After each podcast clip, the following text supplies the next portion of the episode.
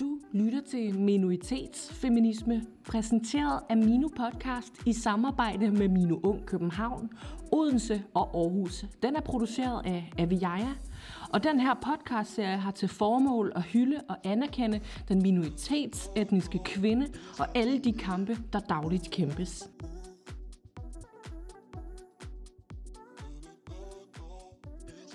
Hej, mit navn er Tamara, og i anledning af kvindernes kampdag vil jeg snakke lidt om aktivisme, afrofuturisme og et palæstinensisk flag på munden. Til dagligt er jeg en del af bestyrelsen i Minu Ung i Aarhus. Minu Ung er et fællesskab, som gennem aktivisme og aktiviteter prøver at styrke minoritetsetniske danskers mulighed og samfundsdeltagelse. En del af det arbejde, som vi gør, kan siges at være en måde at træde ud af den negative rolle, som minoritetsetniske danskere ofte bliver puttet i, f.eks. ved en negativ fremstilling i medierne. Undersøgelser fra en rapport udformet i 2015, der har analyseret, hvordan flygtninge bliver fremstillet, highlighter netop denne negative fremstilling. Ved at tage udgangspunkt i, hvordan flygtningenarrativet i medierne var efter flygtningekrisen, analyserede de sig frem til dette. De fandt frem til, at flygtninge og fremmede blev fremstillet ud fra to parametre. Den ene, hvor flygtninge bliver omtalt som helt passiviseret uden meget handlekraft. Det andet parameter er en kollektivisering, der viser de fremmede som en del af en større masse, hvor I der ikke kan og bliver skældnet imellem individer. Begge kan lede til en dehumanisering af flygtninge og fremmede som en befolkningsgruppe.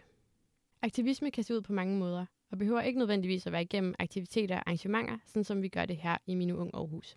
Et alternativ kunne for eksempel være at fortælle alternative historier. Det lyder måske lidt underligt at sige, at fortælle historier er aktivistisk, men det er netop det, jeg tror, at afrofuturisme kan. Jeg er på ingen måde ekspert på området, men vil prøve at forklare lidt om det her. Hvis du ikke kender til afrofuturisme, så prøv at tænke på filmen Black Panther. Her hørte vi historien om det opdigtede afrikanske kongerige Wakanda, der ikke var blevet påvirket af kolonialisering, men tværtimod var teknologisk avanceret på allerhøjeste niveau.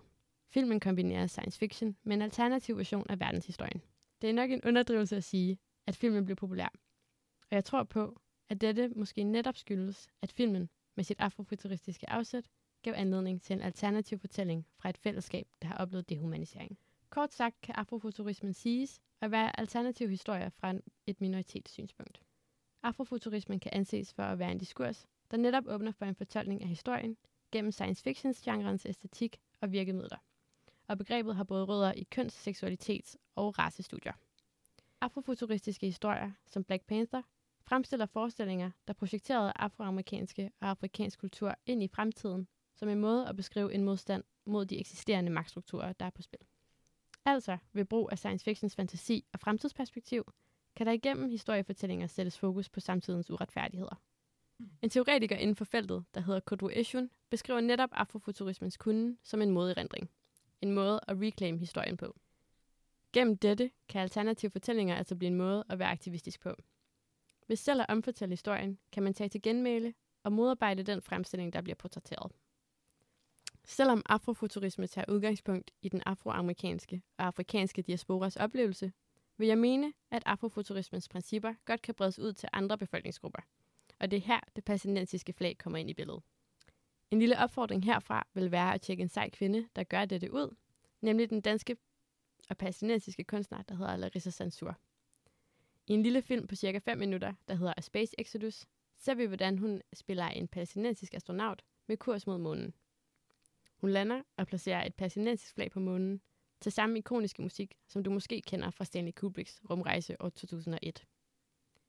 Filmen er fed, fordi den netop spiller på den her alternative fortælling om det palæstinensiske folk, som en nation, der sender kvindelige astronauter til månen for at claim den som deres. Her omkring kvindernes kampdag, synes jeg det er vigtigt at understrege, hvilken effekt det kan have at gøre noget, som at fortælle alternative historier. Specielt når man ikke er pålagt fremmedgørelse, men i science fictions verden kan træde i karakter.